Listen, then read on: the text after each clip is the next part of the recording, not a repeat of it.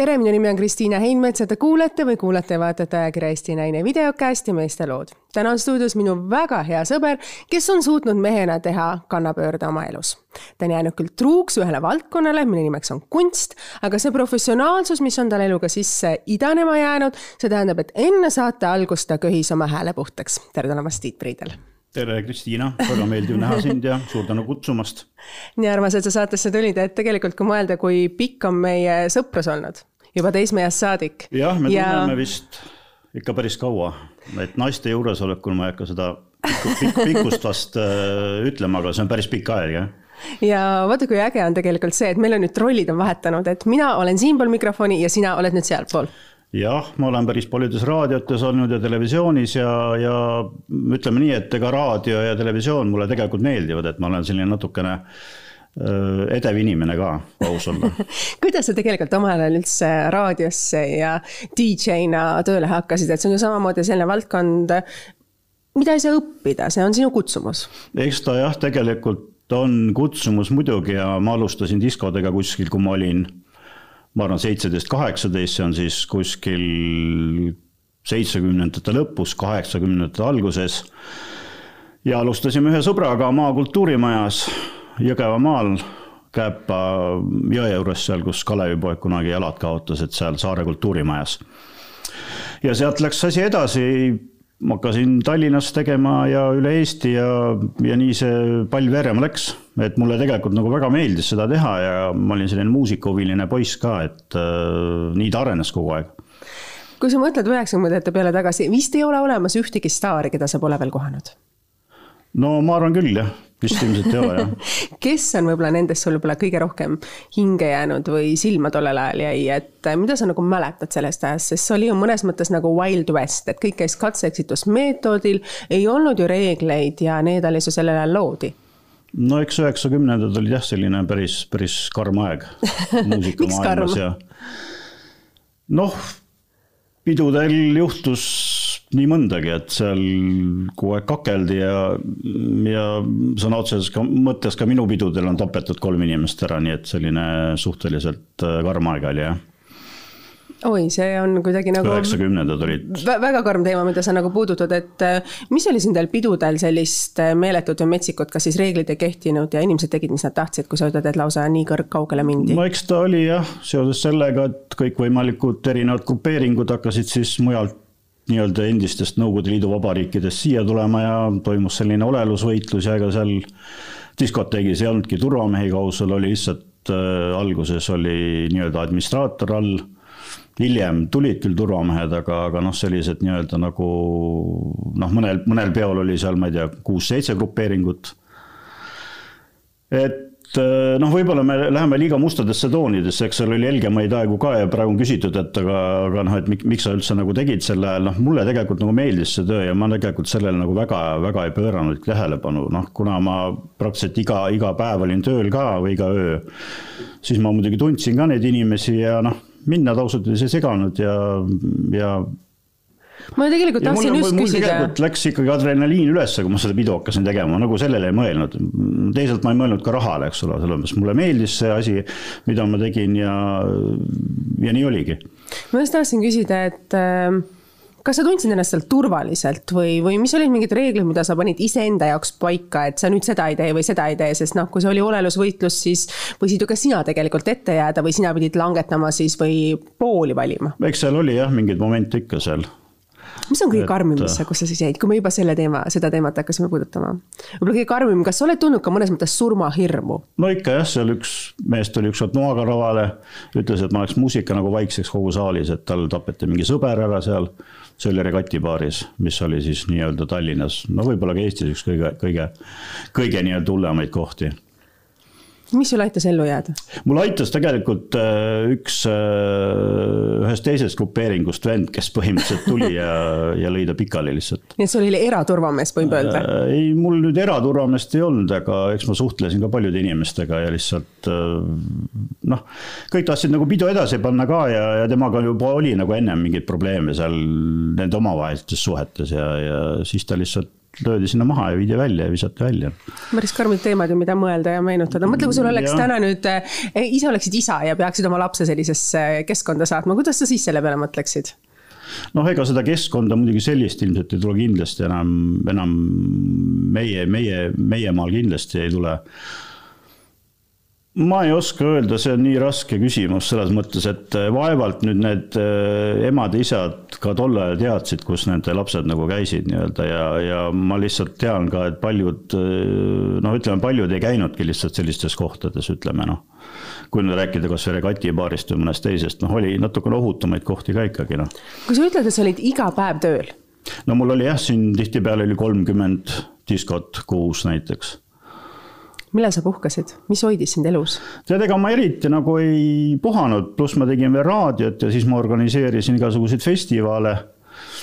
ja noh, reeglina enamus tegelikult ikkagi oli mul Tallinnas nii-öelda ka neid äh, diskosid ja. mitu korda sa armusid? diskosid tehes, kas iga õhtu uuesti? iga õhtu ikka muidugi vaatasin, vaatasin kenasid naisi ikka vaatasid.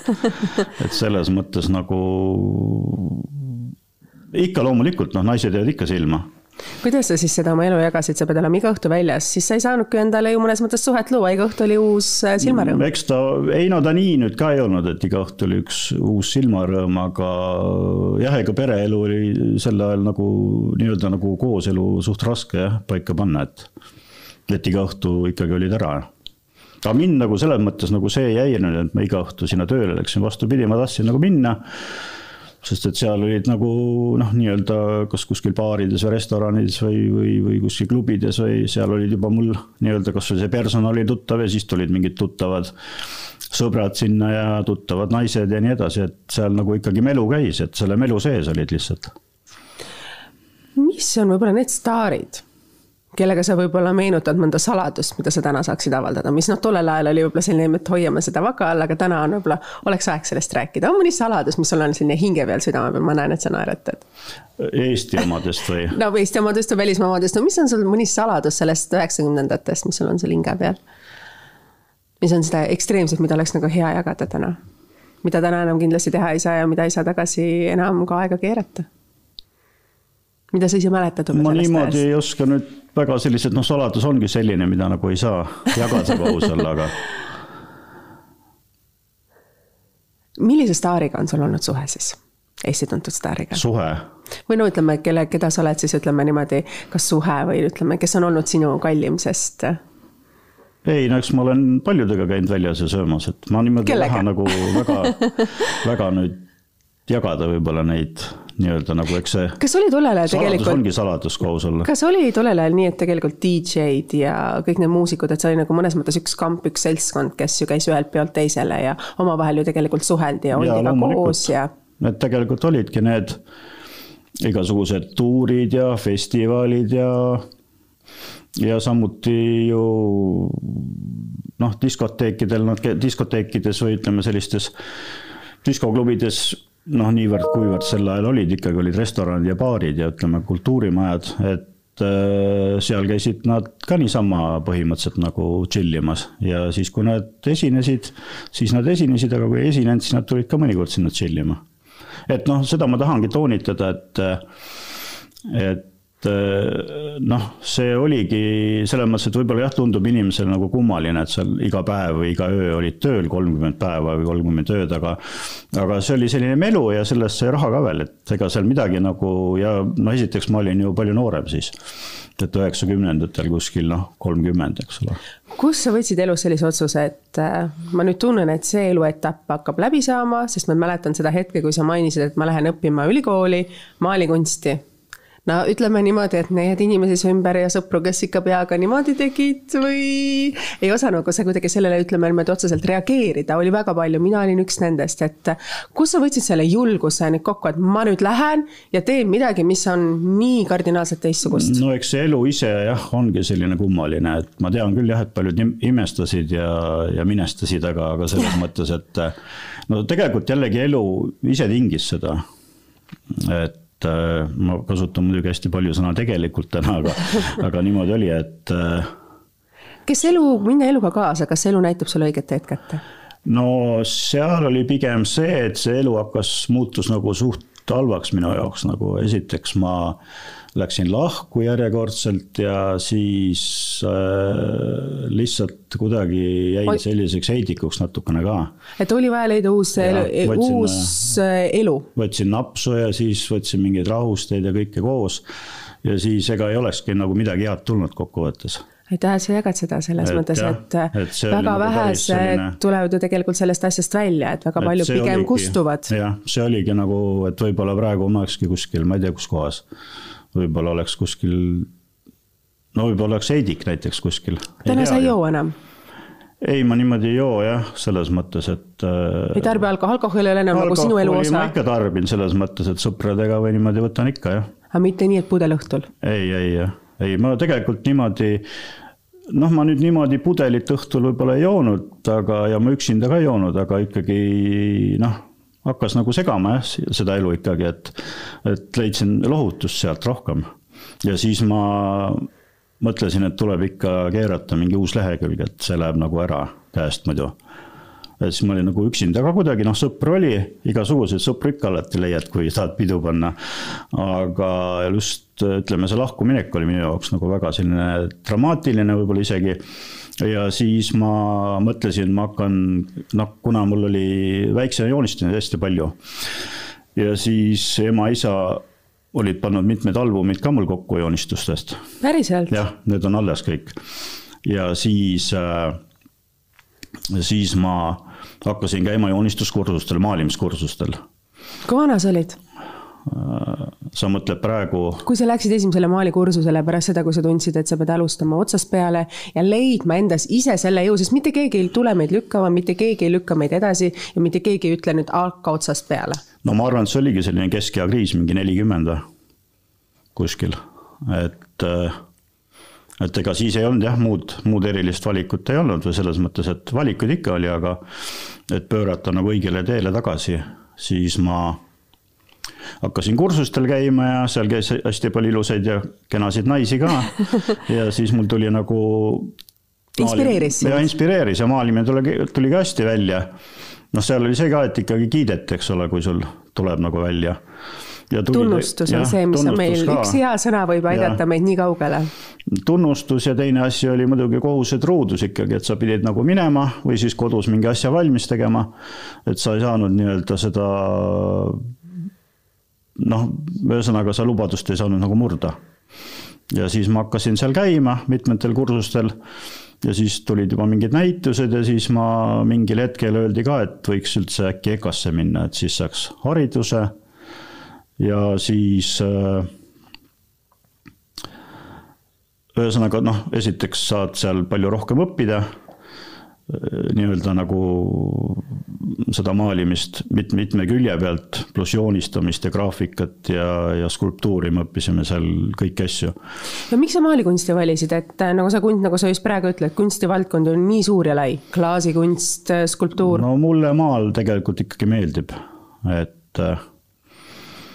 et äh, ja seal sa oled ise maali peal? see on nüüd tegelikult tehtud üldse kaks tuhat kümme ja see on söega tehtud. See on söega tehtud ja et siin on, no mul kõikidel maalidel on väike selline krutski ka juures, et siin on ka pandud sellist, jäetud osa juukseid tegemata ja niimoodi.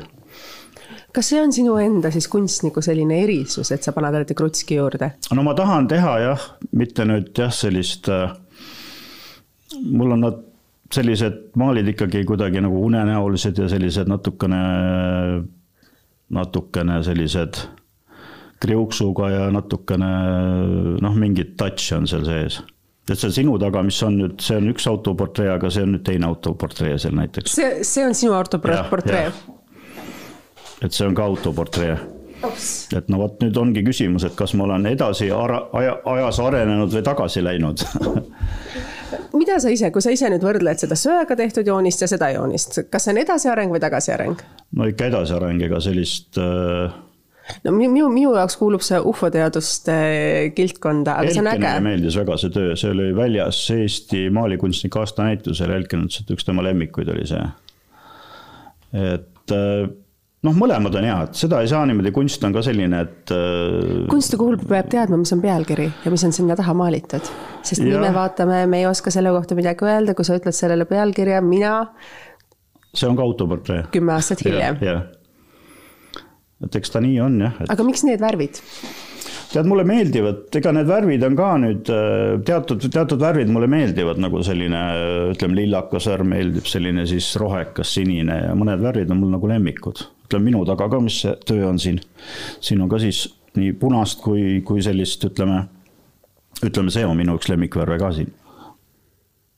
Roheline, briljantroheline ja, ja lilla ja lillakat. kust sa tuled selle peale, et nii, ma nüüd hakkan maalima ja need on minu lemmikvärvid, need mulle meeldivad, kus sa nagu seesmiselt nagu oskad neid valida? kas ka koolis mõnes mõttes teid õpetati või suunati või juhendati? või see juba tuleb sul lapsepõlvest, et sulle meeldis joonistamine? hästi palju, aga noh, ma arvan, et need lemmikvärvid on ikkagi kuskilt lihtsalt alateadvusest, mis mulle meeldivad, ma arvan. mitu näitust sa oled teinud tänaseks? näitusi ma olen teinud nii isiknäitusi kui ühisnäitusi kuskil kolmkümmend. juba? jah, ja nüüd tulevadki septembris tegelikult tuleb mul Võrus, Võru linnagaleris, siis tuleb äh, pärast seda kohe tuleb Valga galeriis. kuidas inimesed sinuni jõuavad? no inimesed kõige rohkem ikkagi tänapäeval jõuavad minuni, äh, jõuavad minuni on mul siis äh, Facebookis on Tiit Priidel Aart ja Instagramis on Tiit Priidel Aart. no vot see töö näiteks on ka selline, et, et siin on küll arbuus, aga noh, näiteks selliseid viljasid paljusid tegelikult ei ole, et ma, ma tihtipeale teen selliseid nii-öelda abstraktseid viljasid ka maalin. ja selle mm, nimetus on siis äh, Brasiilia värvid. see tegelikult meenutab ühte äh, ühte reisi, kus me käisime eksnaisega kunagi väikse seltskonnaga neljakesi üürisime auto ja sõitsime mööda Brasiiliat neli nädalat ringi. Wow.. ja enamus maale tegelikult ma teen niimoodi, et ma, esiteks ma ei joonista pliiatsiga midagi ette ja teiseks äh, ma tihtipeale tegelikult ei tea ka, mis lõpus üldse tuleb. Mingid asjad on paigas, aga, aga Tiit, me oleme siin praegu istume videokasti stuudios, Delfi stuudios ja, ja me hoiame maali käes. kas ma oleks kunagi selle peale tulnud kakskümmend viis aastat tagasi, et me seda teeme? ei, ma arvan, et ei oleks kindlasti jah, ma arvan, et võib-olla oleks mujanud selle peale. ma arvan ka. et ja kolmas asi, mis mul veel on, et ma ei, noh, mul, ma nagu tavaliselt maalin nii, et mul ei ole midagi ees, selles mõttes ma maalin peast nagu kõiki asju no loomulikult seda autoportreed, mis on see originaal, selle ma ikkagi tegin nii-öelda oma pildi järgi. aga siin pole mul midagi ees olnud, et mul samas lihtsalt..., kui me vaatame seda maali, seda võib öelda mõnes mõttes ju teekond. teekond selleni, kes sa täna oled. no seda küll, jah kui sa oleks võib-olla teisel ajastul sündinud, kas sa oleks võib-olla siis teinud eh, teisi otsuseid, läinud kohe õppima kunstnikuks, sest täna, kui meil, kus meil on kõik võimalused, kus me tegelikult eh, ei pea õpetama oma lastele, et sa pead ellu jääma, vaid sa ütled nendele, et ole õnnelik ja tee elus valikuid neid, mis sa tunned sisemiselt, et viivad sind edasi ja on osa sinust. no tänapäeval ma ütleks üldse, et, äh, et ole, oleks sinust saanud kohe kunstnik üheksakümnendatel? Kui ei oleks olnud toda ajastut? ma arvan, et ei oleks ikka saanud, esiteks ma läksin õppima üldse, kõigepealt ma läksin tööstuselektroonikat õppima, see on siis Tallinna praeguse tehnika, tähendab TalTechi. ja siis ma aasta aega õppisin seda ja lõpetasin üldse majanduse, ma läksin majandusse üle, noh, lõpetasin kaheksakümmend kuus või jah, kaheksakümmend kuus lõpetasin majanduse. aga tänapäeva noortele ma üldse ütleks, et need tuleks ikkagi minna välismaale kohe põhimõtteliselt, ma arvan. no kasvõi paar-kolm aastat seal olla. et ega see Eesti kunst on ka ikkagi nii, no ükskõik mis valdkonnas, et noh, kunstis on ikka väga oluline, kui sa oled kas New Yorgis, Pariisis, Londonis või kuskil Mekas, kus sa võib-olla õhtul jood kuskil baaris õlut või kohvi ja saad mingi inimesega tuttavaks või noh, ütleme muusikutel samamoodi kuskil jämmid kellegagi, pärast tuleb välja, et see on mingi kuulsa bändi mingi helimees või mingi kidramees seal ja noh, kõik need suhted tegelikult algavad või ütleme, selline noh, kõik ikka siin maailmas rajaneb nagu suhetel ka, et sa sinna üldse satuks, aga noh, Tallinnas sa vaevalt satud kellegagi niimoodi kokku. Et ma tänapäeva noortele ütleks küll, et põhimõtteliselt ma arvan, et paar-kolm aastat vaadata maailmas ringi. ja teiseks, mis ma arvan, see, et kui inimene on ikkagi seitseteist, kaheksateist, siis ta tegelikult ei tea ju mitte midagi, mis, mis ta no, mina küll, nii kui ma läksin ülikooli esimest korda kaheksakümmend üks õppima ma olin siis, sain alles kaheksateist, ma tegelikult ei teadnud mitte midagi, mida ma, no mida ma üldse õppida tahan. selles mõttes, et mõtlesin, et elektroonikat, see on nagu huvitav. nüüd sa oled teinud sellise teekonna ära. jah. mis on selles ägedat olnud?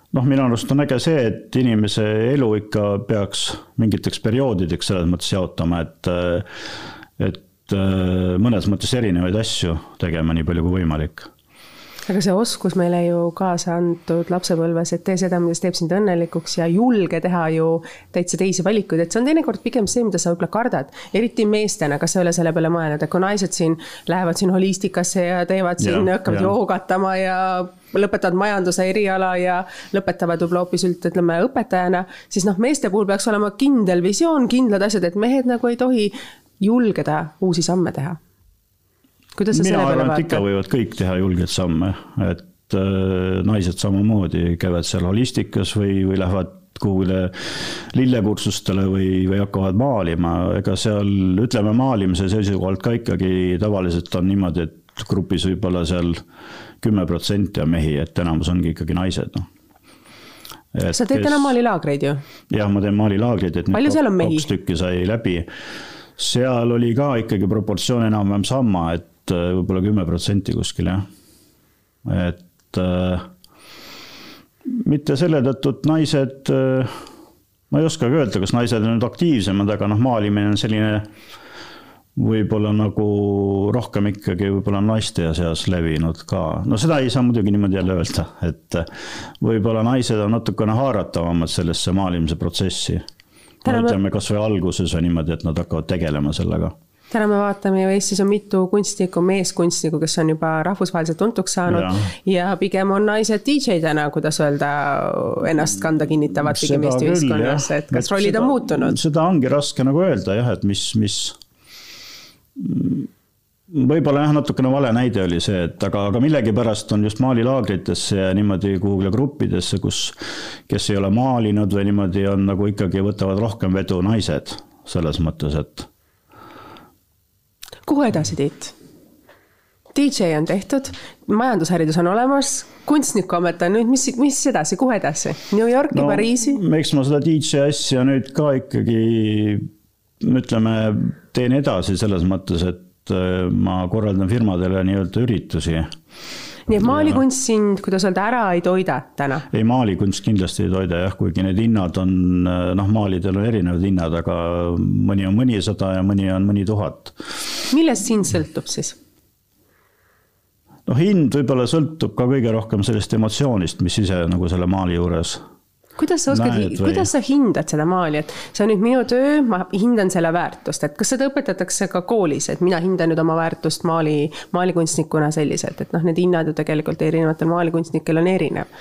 erinevad on jah, et noh, pigem, pigem on see, et mis võib-olla emotsionaalselt sulle kõige rohkem meeldib ja, ja kui näitustel ka ikkagi mõni maal on nagu kõigile kõigile väga meeldinud, siis on need hinnad ikkagi suuremad kui, kui mõne maali puhul. et alguses mul tegelikult olid ka hinnad suht kallid, aga nüüd ma olen nii-öelda selekteerinud natukene, et et mõned ikka nii väga tahavad ja ma saan aru, et sul ei ole nagu mõtet mitu tuhat selle eest maksta või tal ei olegi nagu võimalust, et siis on, siis on ka nii-öelda nagu mõnisada eurot on mõned maalid hinnad.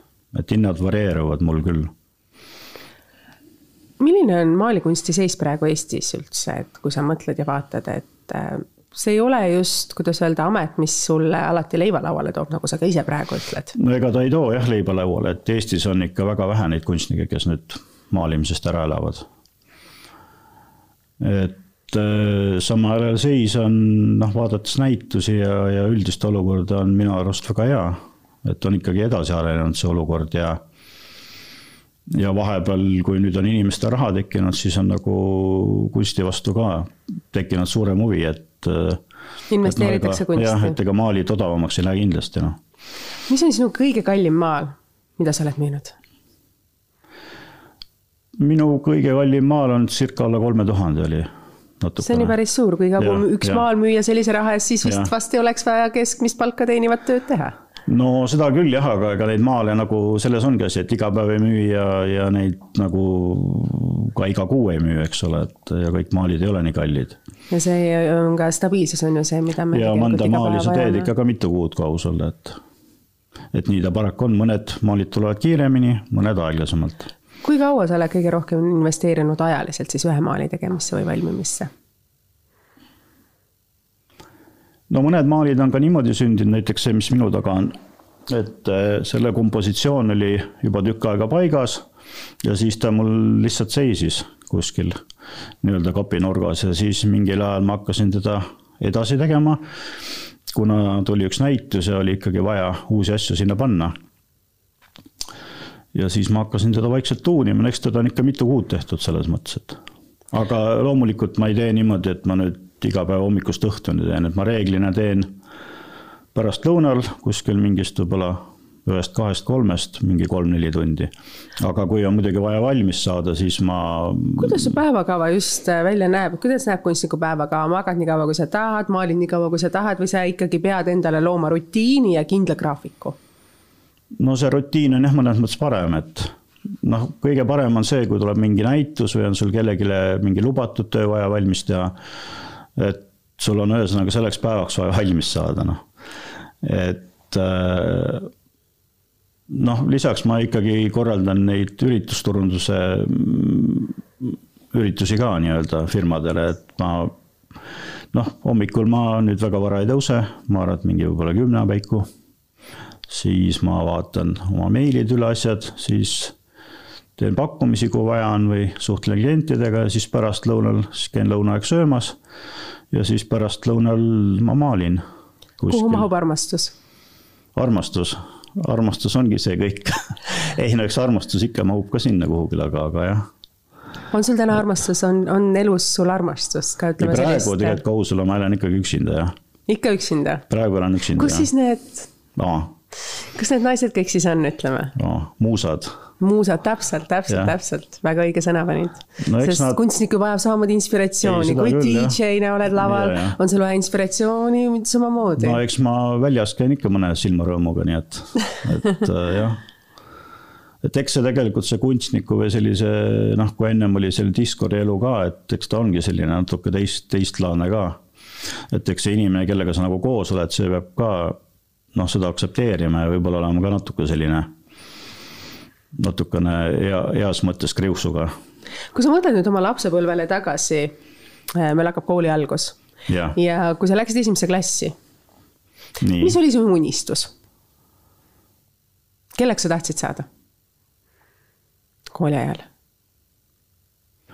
algklassides no,? oli sul unistus kindel, et ma tahaks selleks saada? unistust küll konkreetselt ei olnud, et võib-olla mul oli eeskujuks nagu isa kes tegeles kirjanduse ja, ja ütleme üldse selline Eesti, Eesti, Eestimaa uurimisega. aga noh, sel ajal oli ka selline aeg, et ikkagi oli Nõukogude Liidu aeg, ega seal väga neid unistusi, võib-olla siis väiksel poisil oligi mingi suure auto juhiks saada, noh. Et sellist väga, ütleme, see, mis praeguste asjadega seotud on, noh, sellist unistust mul nagu ei olnud. et ma olin koolis suht selline, esiteks ma olin kõige lühem klassis hmm. mingi jah, nii pikk, no mitte nii pikk, aga, aga selles mõttes, et äh,. klassi lühemast poisist sai hiljem klassi pikem poiss. no põhimõtteliselt küll jah, et äh, ja siis ma olin selline ikkagi suht tagasihoidlik ja väike, noh, selles mõttes ka, et ikkagi selline, et ma kasvasin alles kuskil keskkooli lõpus, hakkasin kasvama, jah et ja siis ma nagu. mis on need õpetussõnad, mida sina ütleksid tollel ajal sellisele väikest kasvu tagasihoidlikule Tiidule? ma arvan, et eks need õpetussõnad on sama, mis mullegi anti kaasa, et ole selline, et ole aus, et pea kinni oma lubadustest, mis sa teed. Ja proovi alati ikkagi noh, neid asju, mis sa teed, teed hingega ja, ja, ja noh, ja siis no ütleme, see võib-olla on praegu lisaks, et neid asju, mis sa nagu teed hingega ja tahad teha, et äh, siis tihtipeale need hakkavadki sulle nii-öelda ka raha tooma sisse aga Tiit, aitäh, et sa siia saatesse tulid, ma hoian sulle pöialt, et see maalikunst tooks sulle siis raha nii palju sisse, et sa saaks kõik muu oma elus ära unistada. No,. ja sõita siis sinna New Yorki või Pariisi, panna endale see kunstnikumüts pähe, barett pähe. võtta see, kuidas öelda see, kuidas nüüd seda nüüd, ma nüüd ei suuda seda nime, ballett kätte, molber ette ja. ja siis seal Montmartre'i mäel järgmine kord, kui ma Pariisi tulen no,, näen ma siis sind seal maalimas. aitäh sulle, Tiit, et sa tulid no, saatesse. aitäh aitäh, väga armas sulle. oli. aitäh teile, kallid kuulajad, aitäh teile, kallid vaatajad ja jälle uus meestelugude saade on eetris juba kahe nädala pärast, siis on saates uus mees, uued lood ja uued teemad. nii et mehed ei ole Eestis tagasihoidlikud ja teevad Eestis ka uusi kannapöördeid. aitäh teile veel kord, kallid kuulajad ja kohtume teiega kahe nädala pärast. kõike head